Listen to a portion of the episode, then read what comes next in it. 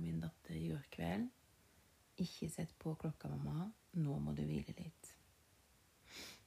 Så det jeg gjort. Uka. Interiørarkitekten var her i går med en smørbrødliste med ting. Selvfølgelig eh, så kunne jeg godt selge meg denne tjenesten for 13 000 et eller annet. Jeg bare ja da, selvfølgelig. Jeg har fulgt noe på den lista. Ja, noe. Altså det er på en måte. Um, så jeg fulgte det som hun sa når hun var her. Det tror jeg skal følge. Og hvis det står masse annet på det jeg skriver som jeg har skrevet, så tenker jeg OK, da er vi ikke enig i det. Nå er det så tomt her at uh, det ser ikke ut som det bor noen her. Og det er litt av det jeg tenker Hva er greia med det, egentlig? Hvem er det vi prøver å lure? De som skal kjøpe huset? Du, vil du kjøpe det huset? Det bor ingen der. Eller meg og Tini som faktisk bor her. Vi vet at vi bor her. Altså, jeg skjønner at det skal være rent, ryddig, oversiktlig, eh, helst samme fargetoner osv. osv. I get it. Men i svarte helvete må det være så forbanna tomt. Altså, hallo? Det er liksom helt personlig bilde ned og alt mulig sånn. Jeg skjønner det jo. Men altså, det er så tomt at det er bare helt sjukt. Hva er greia med det? Hvis det er noen eiendomsmeglere her som jeg har som lyttere, vær snill å forklare meg greia. Fordi jeg skjønner det ikke. Det er så tomt at det ser jo ubeboelig ut. Og ja, men de som kommer, da kan de liksom inn, lage interiøret og bygge det opp sånn som de sjøl vil med møbler og sånn. Altså hm. Anyway, da. Fordelen med dette her er jo det at man får jo Skjønner jo hvor mye man har liksom hatt i dette huset fra før av. For to flyttelass er nå sendt av gårde til brukten. Ganske morsomt, fordi den bruktbutikken hadde sånn eh, Hva heter det? Livesending på Facebook i stad. Og da ser jeg liksom vasen og blomstene og en del sånne ting som jeg har gitt bort. Står der så fint og pynta opp, klar for nye eiere. Jeg blir veldig glad, og det vrenger seg litt i magen samtidig. Så tenker jeg shit og skjære hvor lang tid det har tatt meg å bygge meg opp alt det her. Og den andre sida mi tenker ja, Jeanette, men det er bare ting. Og så kommer vi over til ja, men jeg vet jo ikke hvor jeg skal bo. Tenk om jeg trenger de tingene? Ja, sier den andre siden. Og hvordan skal du få de med deg når ikke du vet hvor du skal bo? Ja, og det er jo da jeg må tenke at det er et godt poeng, fordi per dags dato vet jeg jo ikke det. Så det må jo bare bli sånn. Og den siste uka har jeg hatt helt angst over mine egne valg. Det er rart. Jeg har valgt det her. Det har vært planen min i veldig mange år. Nå er jeg nærmere og kan nesten liksom ta på det på en måte. Og nå kjenner jeg den selvsabotasjen i meg vokser til nye høyder. Hva i svarte? Hæ? Jeg vet du hva. Jeg må ha litt musikk. Drøng, sett på.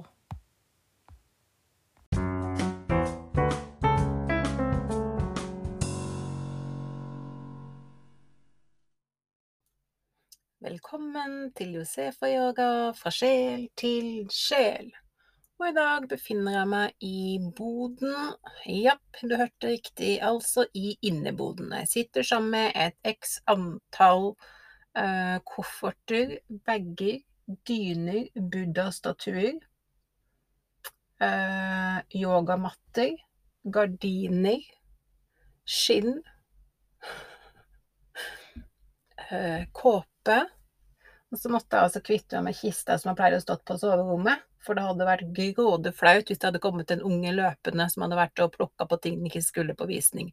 Så yes, jeg tror faktisk jeg er ganske ute, skal jeg være ærlig. Men det er altså i boden jeg sitter, for å prøve å slakke litt på ekkoet inne på yogarommet. For der er det nå ikke de tunge gardinene som var der. Det er nesten ingenting på veggene. Uh, skal jeg være helt ærlig, så er det nesten ingen møbler der inne heller. Så rimelig tungt, kan man si. Jeg tror bare jeg må være ærlig og si at jeg tror at denne poden kommer sånn cirka ut en gang i uka. Hvilken dag? Don't ask me, I don't know. Så ja. Uh, jeg skal være helt ærlig. Det har vært svinetøft den siste tida. Uh, og derfor heter jo også denne episoden Selvsabotasje.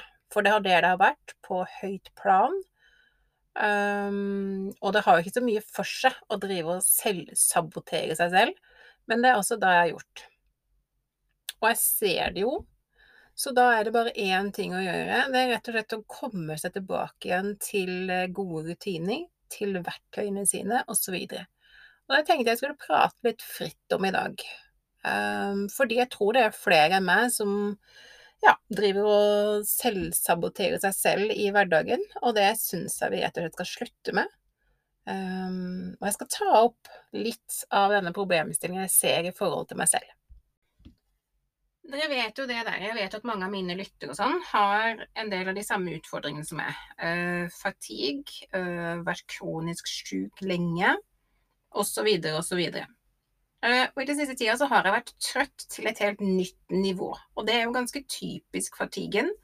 Og jeg har hatt veldig mye mer smerter. Det er jo heller ikke så rart, med tanke på at det er jo tidsfrister til alle tingene jeg skal gjøre nå, step by step, ikke sant?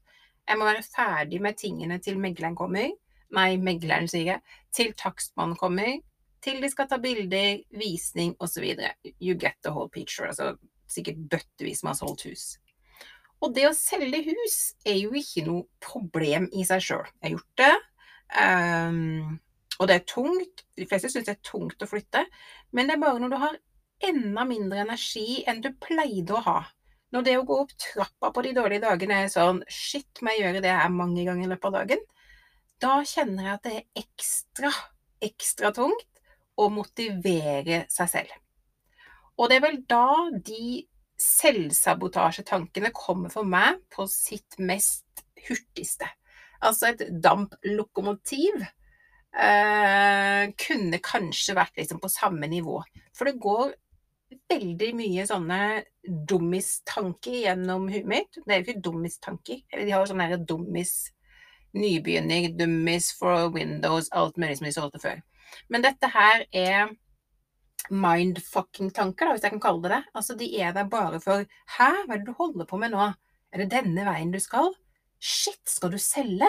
Er du, er du helt crazy? Hvor skal du bo henne? Og du vet ikke hvor du skal bo, nei. Nei, nei, nei. Nå har du vært dårlig ganske lenge, da. Lagt litt i senga di, ja? Mm. Ligge i senga di i et annet land, da, kanskje. Uten å eie noe som helst. Ja. Snikte med den pensjonen din, sa du? Mm. Du har ikke sjekka på meg? Nei, ser man det, ser man det. Ja, ja, ja. Nei, men det går nok bra med du òg, skal du se. Altså, vi har vært der. Jeg har vært min egen lille uvenn. Heldigvis så er det mulig å snu. Det er mulig å gå ut av den stien og gå på en bedre sti.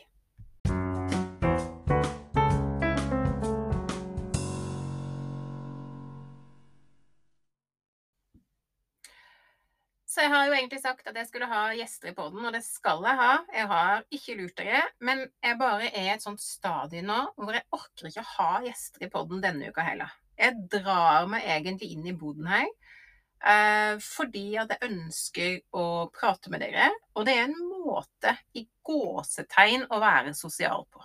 I know. Det høres sinnssykt ut, men akkurat sånn føles det for meg nå. I en altså det eksisterer liksom et sekund av gangen-modus. Det er liksom litt der jeg føler at det er nå. Men nå skal dere høre en utrolig herlig historie Eh, og jeg blir virkelig glad i hjertet mitt når jeg møter sånne mennesker. Dere vet jo, jeg hadde jo en eh, en eh, gutt Nei, jeg hadde en gutt, hva er det jeg sier? Jeg hadde en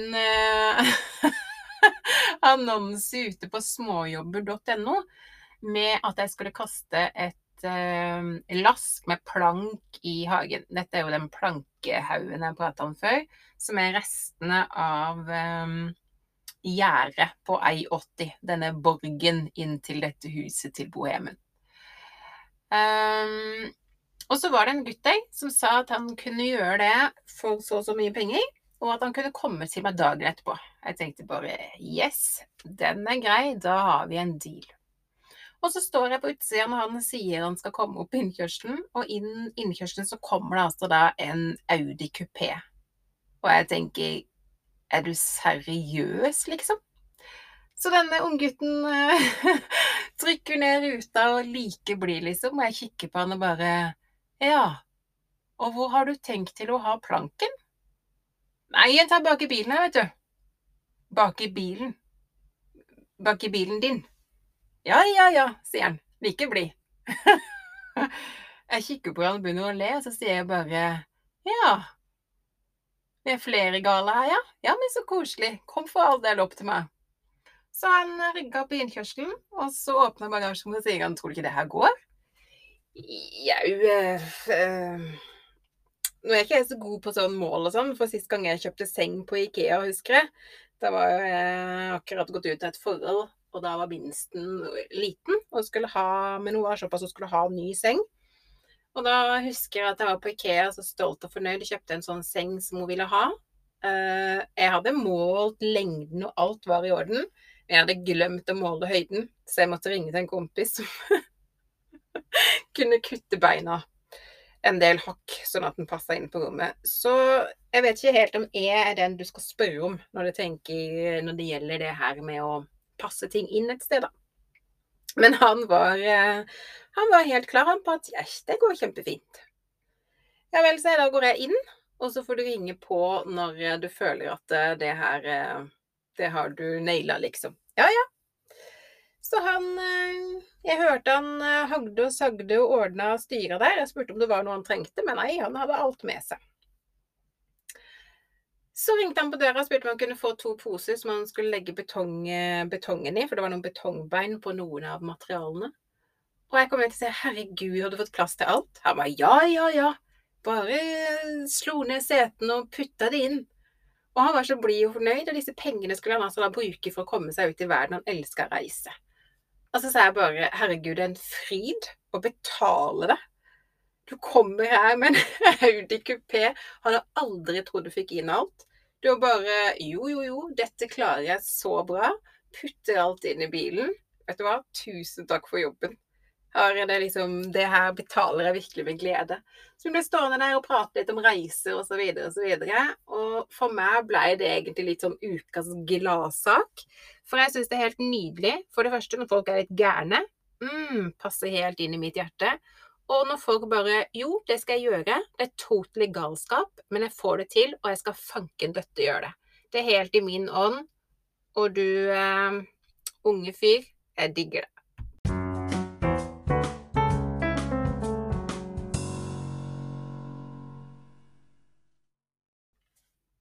Så har interiørkonsulenten uh, vært her, og uh, ja, fortalt hva hun syns skal byttes på inn, osv., osv. Det var veldig greit, egentlig, fordi de to eh, flyttelassa i gåsetegn igjen, som vi har sendt med bruktbutikken, eh, de har gjort veldig mye med huset. Fordi nå er det jo ganske tomt her. Det er ingenting nips og naps. Alle personene i bildet og alt det var jo tatt bort. Og jeg visste jo hva jeg hadde å deale med. Så for min del var det egentlig bare å begynne såpass tidlig at det var eh, rom for å ta en dårlig dag eller to i senga. Og det har funka. Men så skjønner jeg jo ikke Jeg skjønner ikke hvorfor det skal se ut som det ikke bor mennesker i et hus man skal selge. Er det kjøperne, eller er det oss selv vi prøver å lure? Altså, jeg skjønner det der med at vi skal ha det rent og pent, Ingen personlige ting, ikke altfor mye nips, osv., osv. Men altså, i sjekkpunktet fra liksom megler så står det liksom 'ta vekk fjernkontrollen'. Og da tenker jeg bare Er vi mennesker gått fullstendig av konseptet, liksom? Altså, jeg skjønner det er sikkert en viktig detalj, jeg bare Det er ikke det oppi huet mitt. I huet mitt tenker jeg bare hvis jeg hadde lagt liksom på kanten av TV-stasjonen, holdt jeg på å si, TV-skjenken, så tenker jeg at og jeg hadde sett et bilde ute da, med en fjernkontroll på, så var det ikke sånn jeg tenkte Fy fader, det der! Crazy shit-huset der. Sikkert dritrotete. Mm -mm, ain't going there. Og hvis jeg skal gå der på visning, så skal jeg iallfall ha det 20 000-25 000 ned i pris, ass. Fjernkontrollrute. Oh my god. Altså, nei. Jeg hadde jo ikke det. Men selv, da, etter to fulle flyttelass til brukten, så bugner det fortsatt av ting her. Og jeg begynner å innse veldig klart hva det var som kvelte meg. For jo mer jeg kvitter meg med, akkurat i det mælet, holdt jeg på å si, med å kvitte meg med det, så er det som om det kommer en sånn der klump. En brennende klump som bare Hva hvis vi har brukt for det? Hva hvis vi skulle hatt det med oss? Hva om det kommer til å angre nett? Hva, hva, hva, hvis, bom, bom, bom, bom, ikke sant? Hele tiden. Men samtidig, når jeg har gitt det bort, og går inn i rommene ett for ett, går inn i boden, og du kan se alt er i kasser, det ser greit ut, osv., osv., så, videre, så er det jo helt nydelig følelse. Det må jeg bare helt ærlig si.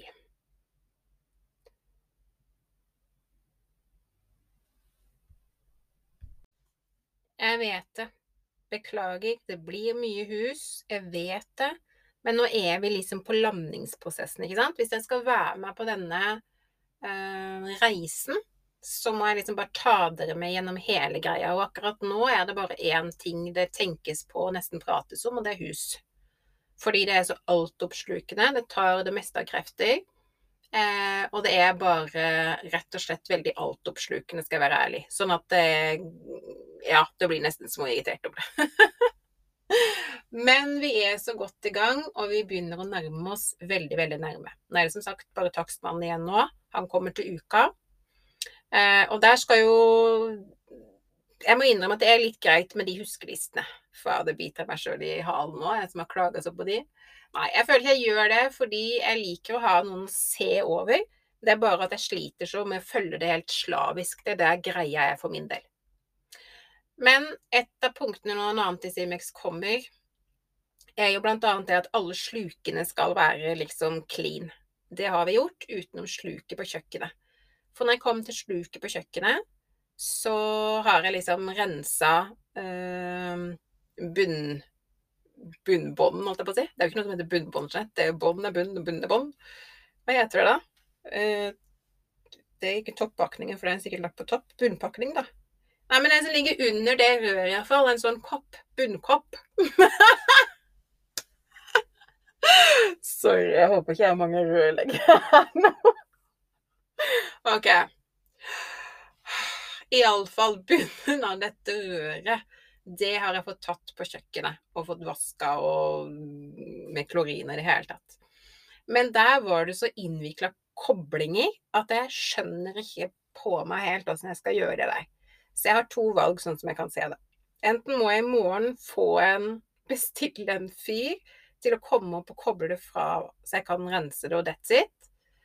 Uh, eller så må jeg ringe til en handy kompis, og så må jeg ta det på FaceTime. Og så må jeg rett og slett få han til å forklare meg det skal du uh, skru av, det skal du skru av, det skal du skru av. Sånn at jeg liksom vet at jeg gjør det sånn noenlunde rett. Jeg har ikke helt bestemt meg for, for hvilket valg jeg skal ta her nå. Uh, får godgjøre seg gjennom dagen, tenker jeg, og litt meditasjon og sånn, så får vi se. Men iallfall, der er vi.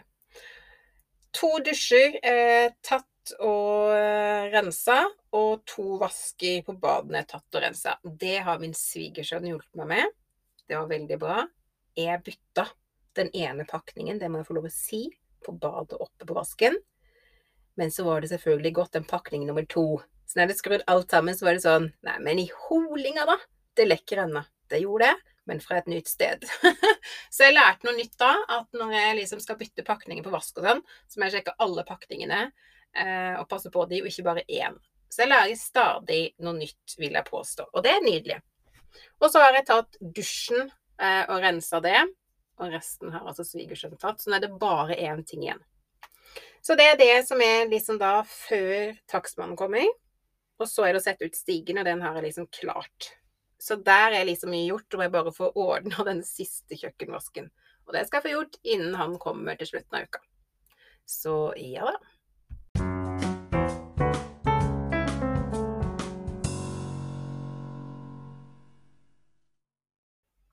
Så da krysser vi fingrene for at den rapporten fra takstmannen som blir bra. Så er liksom det gjort. Og da kommer de eh, i starten av uka etterpå og skal ta bilder både på dag og kveldstid. Og da er det liksom bare visning på en måte igjen. Så det går veldig pø om pø nå. Um, men en del av selvsabotasjen min, da, uh, er blant annet det her med at jeg, jeg, vil gjerne ha ting ferdig med en gang. Og det ser jeg alle tingene. Og det ser jeg at det er ikke mulig. Skal jeg komme i mål med det her, så må jeg bare konsentrere meg på hvem er det som kommer denne uka. Hva skal være ferdig til de kommer? Uh, og hva skal settes frem, videre. Det er liksom Og når det møtet er over, så tar jeg liksom neste. OK, hvem kommer denne uka? Hva må være gjort denne uka? Og så videre. Så det er sånn jeg liksom legger planen min, fordi ellers så begynner jeg å stresse opp magen, og så blir jeg liggende i to-tre dager.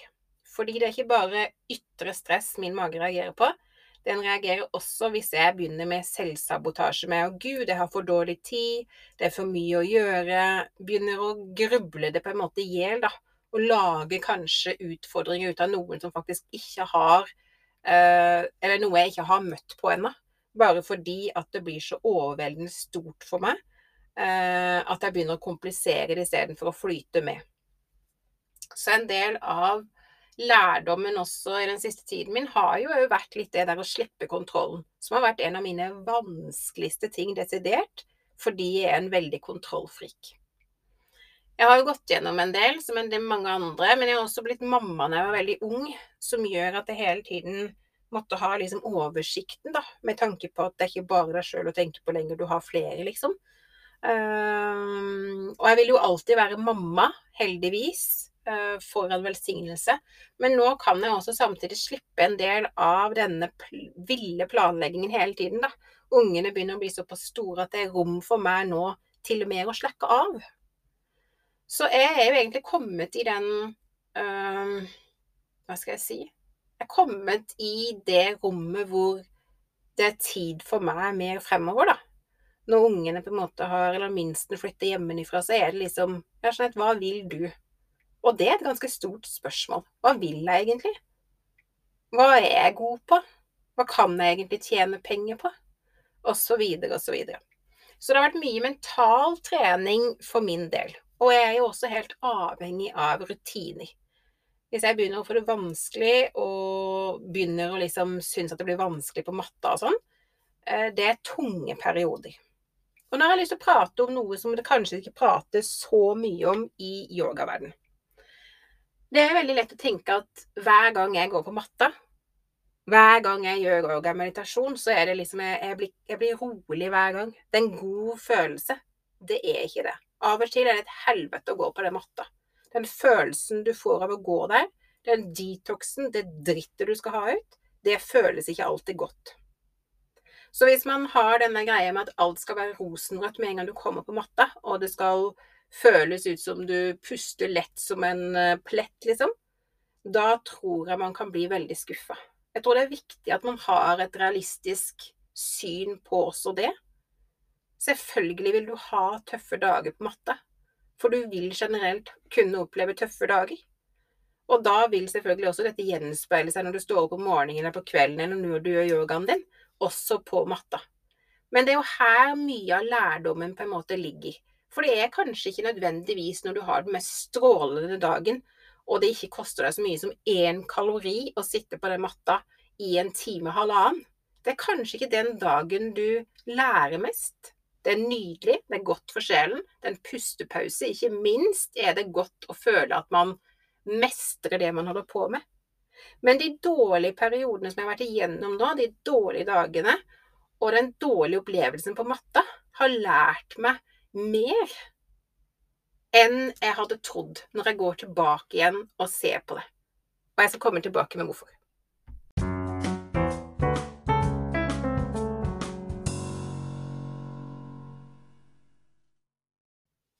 For min del har det vært siden sist fullmåne ganske vanskelig å være på matta.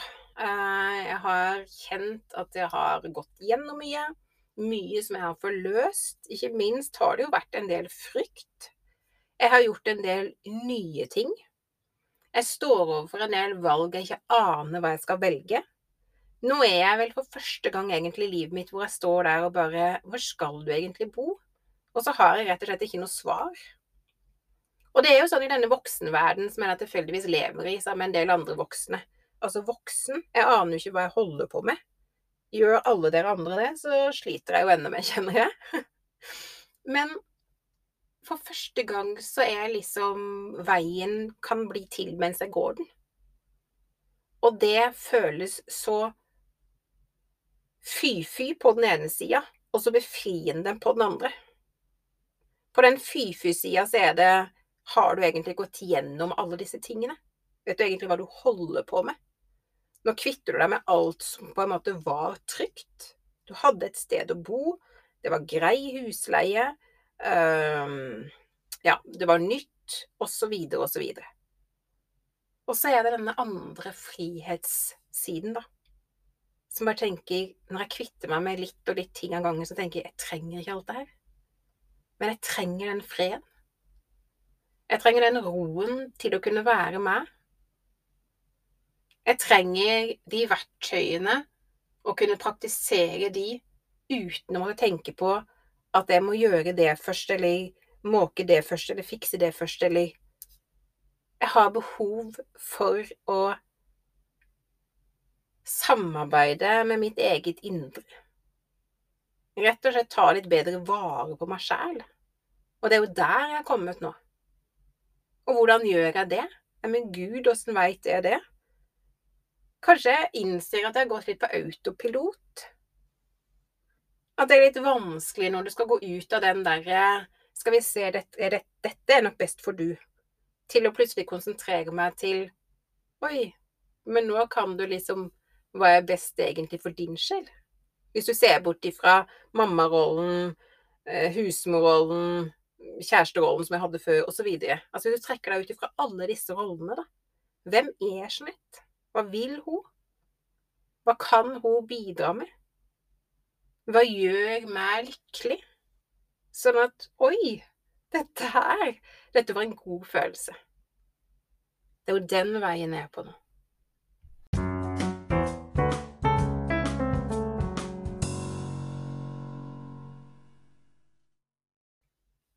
Så for denne selvsabotasjen akkurat nå For det første så tror nok jeg at man er kommet såpass langt ut i prosessen som det har. Det er viktig å ha da i minne at dette er jo en plan jeg har hatt i ganske mange år. Så når jeg kom til det for ehm, ja, i 2014, da, at jeg skulle liksom kjøpe dette huset, pusse det opp utvendig og gjøre alt klart der, for å så selge det igjen til å kunne eh, følge drømmen min, så er jo det nå begynt å bli mer og mer virkelig. Og da blir det jo for min del, sikkert ganske teit, men sånn er det nå, da, for min del også mer skummelt. Uh, og jeg er jo en, har nok alltid vært en sånn uh, selvsabotasjer. Og det har nok også mye fordi uh, jeg har jo hatt en sånn tanke oppi hodet at jeg har tenkt at hvis jeg har tatt sorgene på forskudd, så blir jeg iallfall ikke eh, lei meg hvis det skulle skje noe. Og det er klart, det blir man jo på en måte litt allikevel, selv om man liksom så det for seg. Følelser kommer jo og går, og det er jo bare en følelse. Så man kan jo tenke at det er ganske dumt å bruke så mye tid på å selvsabotere seg sjøl, for det vil jeg jo føle at det er det jeg Jeg kan snakke for meg, da. Men at det er det jeg på en måte gjør. For da kan jeg heller bruke den tid, bekymringstiden på noe bedre. Og så får jeg ta bekymringene når de eventuelt kommer, istedenfor å tenke de i hjel, da. For det, man kan jo tenke det sånn som menneske i hverdagen sin, så er det jo noe hele tiden. Det er jo noen småhindre som man OK, her må jeg krabbe over. Nei, her kan jeg gå rundt. Fy fader, dette var vanskelig hinder. Nei, da får jeg altså grave, og så krabbe under, da. Ikke sant? Vi mennesker er jo ganske flinke til Hvis ikke vi har noe annen mulighet, så finner vi en vei. Og det er, har vi jo bevist gang på gang Det ser man jo på historier man leser om, ser på TV osv. osv. Min største sabotasje har alltid vært på kjærlighet. Jeg er livredd for å bli forelska og måtte gå gjennom og stole på og ja, begynne på den karusellen der med en annen part. Det har vært en av mine største selvsabotasjer. Og jeg er veldig klar over det. Så når jeg begynner, hvis jeg begynner å bli småbetatt, så har jeg tendens til å ja, hva skal jeg si, helt ærlig fucke det litt opp, sånn at den andre personen kanskje kan uh, fyke av gårde. Og jeg kan åh, igjen få puste. For det blir rett og slett så skummelt, og det blir en sånn stor angstklump i magen. Uh, at jeg syns rett og slett det er lettere å være, vise meg fra en litt sånn gal, crazy side, sånn at de stikker av, skal jeg være helt ærlig. Uh, og det høres jo helt merkelig ut, men med min historie så tror jeg også det er ganske vanlig. Man eh, har eh, opplevd en del trust issues opp igjennom fra barndom, og vært igjennom de tingene som har vært, så er det nok veldig lett for at det blir sånn. Men det betyr ikke at det alltid må være sånn. Så det er jo ting jeg må ta tak i. For jeg er ikke noe fan av ja, men sånn er det. Ja, det er kanskje det, men hvis jeg kan forandre på én liten ting å gjøre det på så det føles litt bedre, da gjør jeg gjerne det. Så jeg vet at det jeg på en måte nå går igjennom med at jeg er så redd at jeg ikke vet hvor jeg skal være. Det er nesten så jeg begynner å høre litt på andre når de gir meg råd. Og det er jo selvfølgelig da ofte råd jeg ikke har spurt om. De er morsomme, de der. Eh, så er det nesten så jeg begynner litt å tro på det sjæl. Og da måtte jeg virkelig begynne å ta meg sjøl i øra. Og da måtte jeg begynne å finne frem verktøyene som jeg trengte for å stå tryggere i meg selv.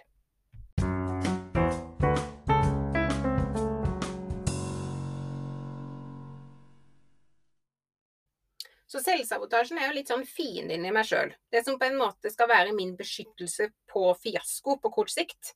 Men det, vil, det hindrer meg jo, da, i en suksess. Og det er jo det jeg ikke liker. Og det er jo derfor jeg bruker disse verktøyene. Bruker yogaen, eh, pusteteknikkene osv. osv. For det som er en av mine dårlige eller litt sånn svake sider når du kommer i denne prosessen jeg er nå, det er jo at jeg vil gjøre alt på en gang. Jeg vil gjøre alt og bli ferdig med det før jeg legger meg ned og slapper av, eller setter meg ned og slapper av. Det er ikke rom for det i denne prosessen jeg er i nå. Fordi det er så mange forskjellige prosesser. Og det går ikke an å gape over de alle på en gang, for da blir jeg jo på en måte liggende. Så jeg må bare stole på at det som kommer på neste på prosjektet og på to do-list, at jeg kan det. At jeg klarer å leie noen hvis jeg ikke kan det. Eller rett og slett bare er nødt til å finne en løsning på det underveis i prosessen, og stole på at jeg klarer det. Når man blir møtt på motgang Når man blir møtt på motgang, da, så er det jo tre muligheter, sånn som jeg kan se det. Å konfrontere det, altså prøve å finne en løsning på det. Uh, unngå det. Eller utsette det. Uh, prøve å utsette, altså prøve å overbevise seg selv om at ikke det går, eller at uh, det ikke plager deg. Eller at du kan vente. Kan vente litt med det. Det er sånn typisk ting vi gjør. Og jeg merker det veldig godt sjøl når jeg gjør disse tingene, fordi at det er Jeg har aldri gjort det før, så den minste ting, da, den blir så skummelt. Ikke sant? Under denne vasken. Er sikkert ikke all verden som drar fra noen av de rørene. Men jeg i min verden, som aldri har på en måte vært under en vask og dratt fra de rørene, og de er ikke like til vasken oppe, så blir det en sånn hinder for meg. Det blir en sånn Jeg blir stående foran denne porten som er der nede, og så tenker jeg hvordan i huleste skal jeg få opp den porten? Hvordan skal jeg liksom løse det sånn at det er fri bane til å gå igjennom og gjøre de tingene jeg skal allikevel? Og da er det jo ikke egentlig så veldig mye annet å gjøre enn å prøve, sånn som jeg har gjort i dag. er liksom Vannlåsen heter det forresten. Der kommer den. Det som jeg har vaska og skylt i dag. Men så kommer jeg liksom ikke høyere opp i røret, og jeg ser jo at det har jeg jo behov for. Så da må jeg jo på en måte bare leie inn hjelp, da, eller uh, kidnappe en fyr fra gata som jeg syns er ganske OK ut, som kan hjelpe meg med det, eller et eller annet. Jeg har jo fortsatt en Tinder-profil, så det er jo mulig at jeg rett og slett bare nå må inn her og finne meg en handy-mandy som kan fikse dette under, um, under, vasken min. Det er jo en løsning. Så kommer jeg ikke å si at det ikke er løsningsorientert. Apropos Tinder. Nå går min greie snart ut, og da orker jeg ikke mer, for nå skal jeg snart ut i verden og kikke. Men jeg gir dere noen råd allikevel, du vet. Det er med de her rådene som ingen har bedt om. Men nå kommer det. Min kanal, mine råd. Ikke ha caps på alle bildene dine. Nei, vi er interessert rett og slett i å se om det har hår på hodet. Jepp. Solbriller på alle bildene, også helt ut. Det er noe med det der at hvis du føler deg litt sånn der klein en dag, clash på deg noen store solbriller, litt sånn eh, leppis for oss jenter og håret i en tutt, så ser du ikke så helt halvgæren ut. Tar du av deg de solbrillene, så kan det være en katastrofe. Sånn kan det faktisk være med dere menn nå. Just saying. Just saying. Trenger ikke være sånn. Men solbriller på absolutt alle bildene, den sjansen gidder man ikke ta. Så til dere andre. Skriv om dere er handy eller ei, for det er det altså noen som trenger å vite. Og så er det noe med det der at uh, legg inn, legg inn litt musikk når du har en profil. For jeg finner altså, funnet så mye kul musikk inne på Tinder, du vil ikke tro det. Mer kul musikk enn jeg har funnet mennesker å prate med. Men musikk er for meg litt av livet, så jeg klager ikke.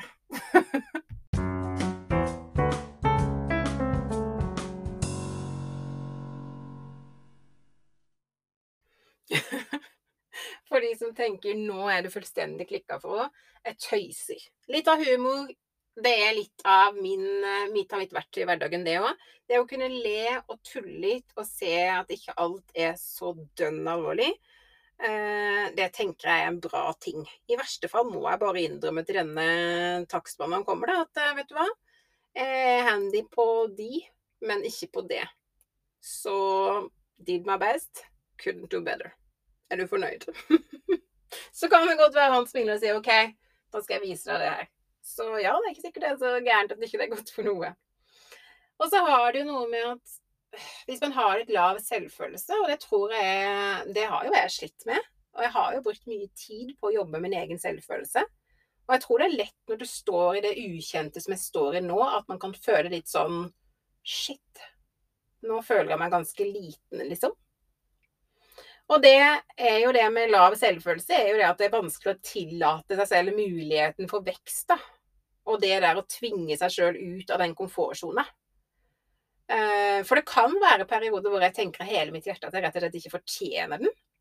Um, og at jeg ikke når målet, liksom, og at det på en måte ikke er verdt det. Og det er jo da jeg virkelig, virkelig må ta grep. Så i den siste tida så har jeg vært mindre på, um, på sosiale medier det har vært rett og slett for jeg har trengt å søke innover. Jeg har trengt mer ro gjennom dagen. Jeg har ikke den samme energinivået til å opprettholde relasjoner. Så det, altså når kvelden kommer og du har løpt opp og ned trappene x antall ganger for å flytte det møbelet ut med det møbelet, for å kjøpe det, for å fikse det, så er det liksom ikke noe jeg har ikke noen energi til å prate med noen andre, da, eller ta tak i det, på en måte. Så for at vi skulle få en liten pause i eh, det som eh, var litt eh, heavy og mye, så har vi rett og slett Eller så har jeg rett og slett bestilt spa til jeg og Tini. Så det skal vi på til uka igjen, og gleder oss masse. Jepps. Faktisk tatt henne ut og eh, hun skal på spa med mor si. Det tror jeg vi begge har godt av inni sjelen vår, for nå har det vært mye vi har trengt å ordnes på og i det hele tatt. Så det skal bli godt å tilbringe litt tid sammen. Eh, kunne le litt og ja Spise litt sammen og bare være litt mor og datter og få litt egentid. Så det gleder jeg meg veldig masse til. Og det er jeg veldig glad for at jeg gjorde.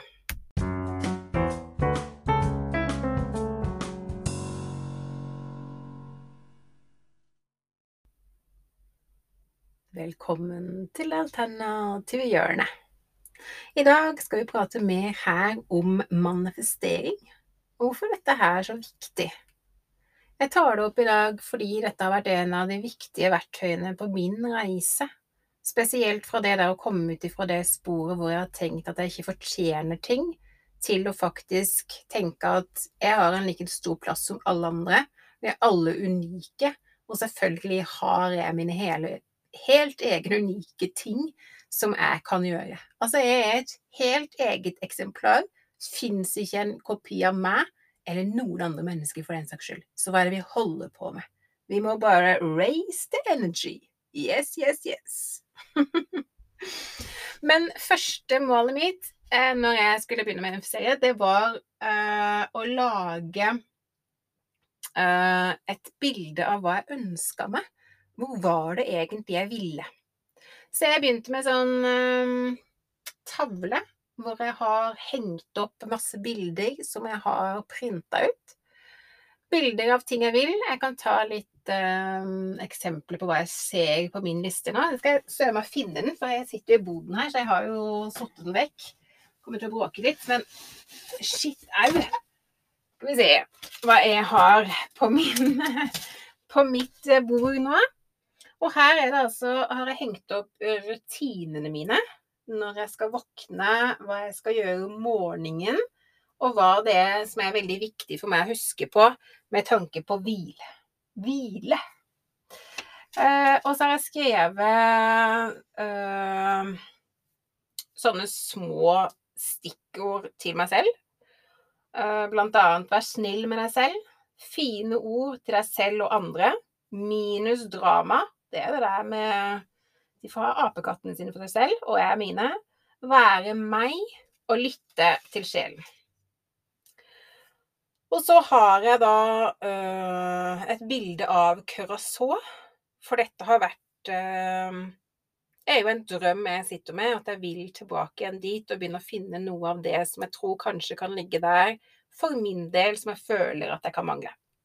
Det ligger, det henger et bilde her av uh, ayurvedisk mat, som er noe av det som funker veldig bra for min kropp. Quotes 'embrace the change' uh, anaisha, som betyr at hvis du har det veldig vondt nå, så husk at det går over. Og har du det veldig bra nå, så husk å nyte, for det går også over. Og det syns jeg er så viktig. Så har jeg printa ut et bilde av øynene mine, og det er jo fordi at sjelen det er jo der eh, den finnes i øyene. Jeg har også printa ut et bilde av en hytte eh, som ligger helt idyllisk til, med et vann. Fordi det er også en av drømmene mine og en av målene mine etter hvert nå, å begynne å jakte på det stedet hvor jeg virkelig kan finne ro når jeg skal bo. Jeg har hengt opp et bilde av eh, litt yogating. Yoga utstyr og yogaposisjoner, for det er jo en del av livet mitt. Jeg har også hengt opp en ganske stor poster på denne tavla eh, med Josefa-yoga, logoen min på, til selve firmaet mitt. Og det er jo selvfølgelig, for det er jo dette vi har lyst til, eller dette har lyst til, vi. Ja, kanskje bare tvillingsjel eller noe, men iallfall, jeg har veldig lyst til å ut da få dette firmaet med opp på beina. Og så har jeg også satt opp et lite quote-ordtak, kall det hva du vil. As long as you are willing to stay as you are, or to stay alone with the familiar, and not to take risk and try out new things, then it is, by definition, impossible to grow. Utlandet, å flytte til det, har jo vært en ting jeg har sagt i så mange år at jeg tror nesten ikke jeg kan huske noe annet. Så jeg vet ikke om det her har vært en ting av sjelsreisen min hele veien. Men dette er jo en ting jeg husker at det på en måte har vært en del av målet mitt. Så det har vært veldig viktig for meg å lage konkrete affirmasjoner. Jeg stoler 110% på at jeg kan ut i verden og bygge opp firmaet mitt. Mange har spurt meg men hvordan vet du det, Jeanette? Og jeg er jo vokst opp med en mor som hele tiden var sånn Nå må du slutte å leve på den drømmen ikke du vet om den funker. Kan ikke Hva er det hun sier? skyte bjørnen før du feller den. Nei, det, var, det er et eller annet med det ordtaket. Iallfall betyr det da i hennes verden at du skal være veldig sånn forsiktig med å liksom leve på denne gode drømmen din, fordi at du vet ikke om det blir sånn. Så hun har vært stikk motsatt av den veien som jeg er litt på nå. og som jeg har vært på i mange år, hun er mer på den ja, du må gjerne ha mål og disse tingene her, men du vet aldri åssen det blir. Så for meg så har jo det også selvfølgelig gjenspeila seg en del i det jeg har gjort. At man kan komme til et sånt punkt hvor man tenker å gud, har jeg liksom Ja. Uh, tenkt for mye nå, eller planlagt for mye nå, levd i min egen fantasiverden osv. osv.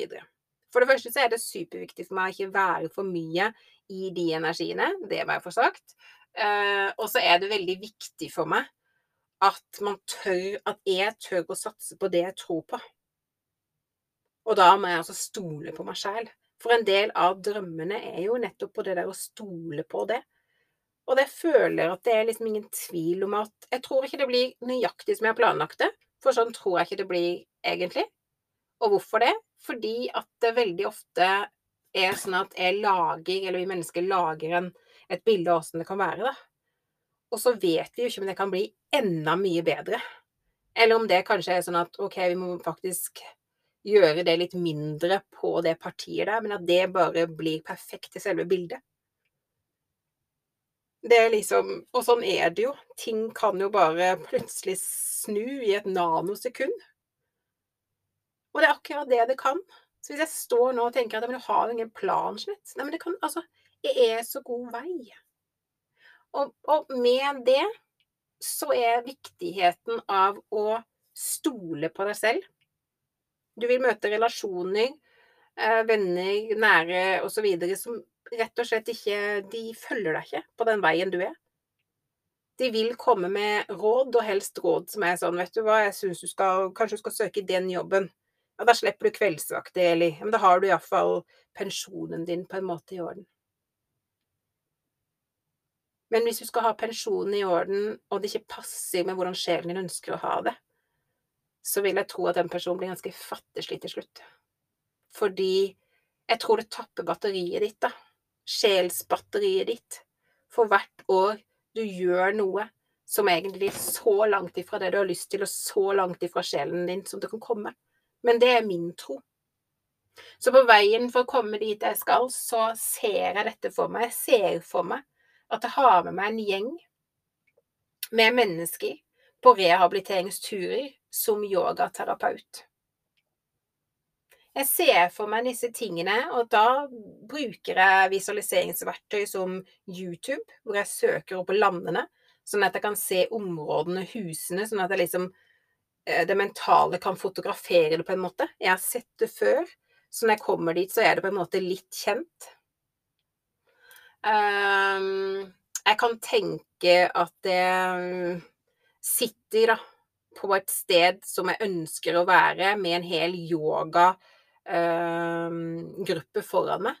Og når jeg sitter selv da på yogamatta, så, så later jeg som at jeg underviser denne gruppen. Så jeg gjør det så mentalt virkelig for meg selv at det føles ut som det mest naturligste ting å jobbe seg mot det målet. Jeg hørte om en i dag på en podkast som sa det at han drømte seg bort til å sitte i Paris på en av fortauskantene og drikke kaffe. Så det han gjorde for å hjelpe til på denne reisen og virkelig visualisere det for seg selv, det var å lukke øynene sine og drikke kaffen sin med lukka øyne mens han hadde sett for seg gatene og den kafeen og hvor han ville sitte hen i Paris. Så det han gjorde, han brukte Google Maps, og så gikk han inn, og så så han kafeene og gatene for seg, fordi da blei det så veldig synlig i gåsetegn for hjernen og det mentale sin del å skape seg et mer virkelighetsbilde av dette her. Og det er jo det det dreier seg om. Det å skape og gjøre det mer eh, mer tilgjengelig da, for det mentale. For med en gang det mentale liksom Å ja, det er jo ikke så vanskelig. Du vet jo hvordan det ser ut. Du vet jo hvordan det er å være der, og så videre.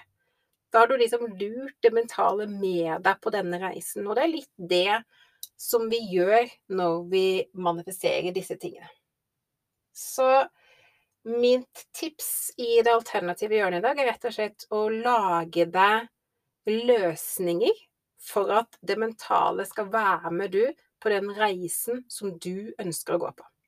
Og hvis du syns at den reisen er vanskelig, så spør deg sjøl hva er du god på? Skriv ned alt du er god på. Om det er å spise is, om det er å danse, eh, om det er å spise kjappest Altså alt, bare ram det ned. Så neste er hva du elsker. Om du elsker mat, skriv det. Kjæresten, barna, danse. Eh, ja, hoppe i fallskjerm. Altså, lista er jo uendelig. Og så siste er hva kan du tjene penger på?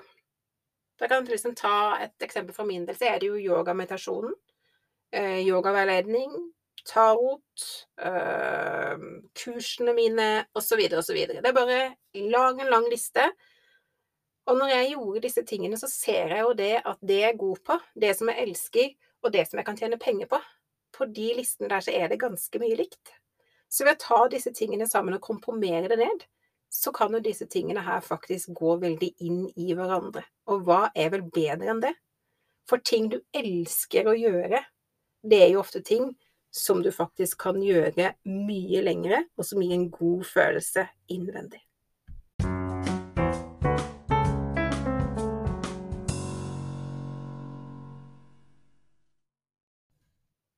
Så det ble altså ingen gjest i denne utgaven av Josefa Yoga sin pod fra sjel til sjel. Eh, men jeg håper allikevel at eh, vi har hatt en koselig tid sammen. Jeg har iallfall fått letta på hjertet mitt, og det å gjøre det har hjulpet meg veldig mye.